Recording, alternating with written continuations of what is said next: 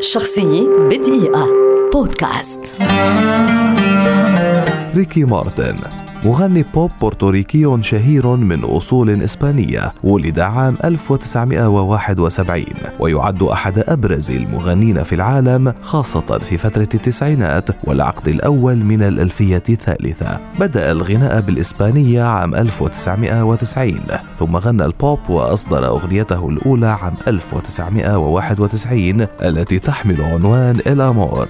وبدأ بعدها بإصدار ألبوماته فأخذت شهرته تزداد. وفي عام 1998 غنى بكأس العالم لكرة القدم أغنيته الشهيرة The Cup of Life التي لاقت نجاحا هائلا في كل أنحاء العالم.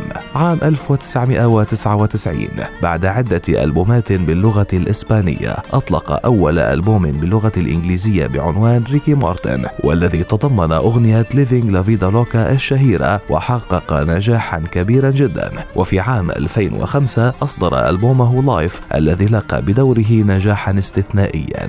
يعد ريكي مارتن رائد الموسيقى اللاتينية وهو محبوب لفهمه الفطري للإيقاع ولشغفه في الأداء ولعطائه الإنساني الكبير أيضا. فقد أسس مؤسسة ريكي مارتن وهي منظمة خيرية غير ربحية للدفاع عن رفاه الأطفال في أنحاء العالم في مجالات هامة مثل العدالة الاجتماعية والتعليم والصحة ومحاربة الإتجار بالبشر.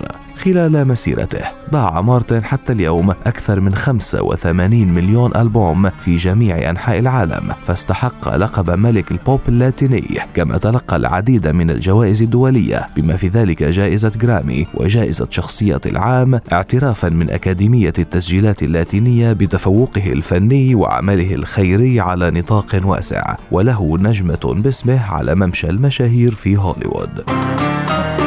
شخصية بدقيقة. بودكاست.